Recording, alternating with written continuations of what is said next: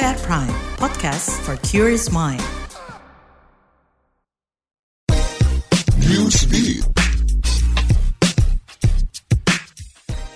Mulai 30 September 2023, Mesir resmi menetapkan larangan penggunaan cadar atau nikab di lingkungan sekolah. Aturan ini tak hanya berlaku bagi siswi, tetapi juga tenaga pengajar dan staf di sekolah. Cadar adalah kain penutup wajah perempuan muslim, sedangkan nikab adalah istilah syar'i untuk penutup wajah tersebut.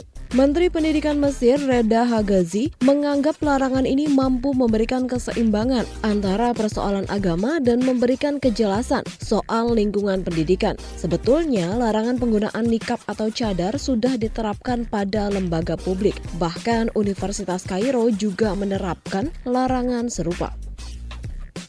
Otoritas pajak Yunani memberikan sanksi pada 28 bar populer di wilayahnya. Sanksi denda dan penutupan selama dua hari diberikan lantaran bar-bar populer di Yunani ini menipu pengunjung dengan menjual bir sisa. Pihak otoritas pajak mengatakan denda setiap barnya belum ditentukan sebab mereka masih menghitung jumlah pengunjung dan meninjau skema penjualan bir sisa yang telah diminum pelanggan.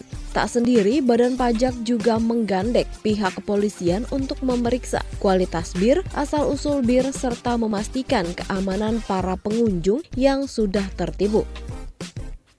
Pemain sepak bola asal Brazil Neymar da Silva Santos Junior menyebut Liga Arab Saudi nggak kalah bagus dari Prancis. Ini dilatari banyaknya pemain-pemain top sepak bola yang masuk ke tim-tim di Arab Saudi.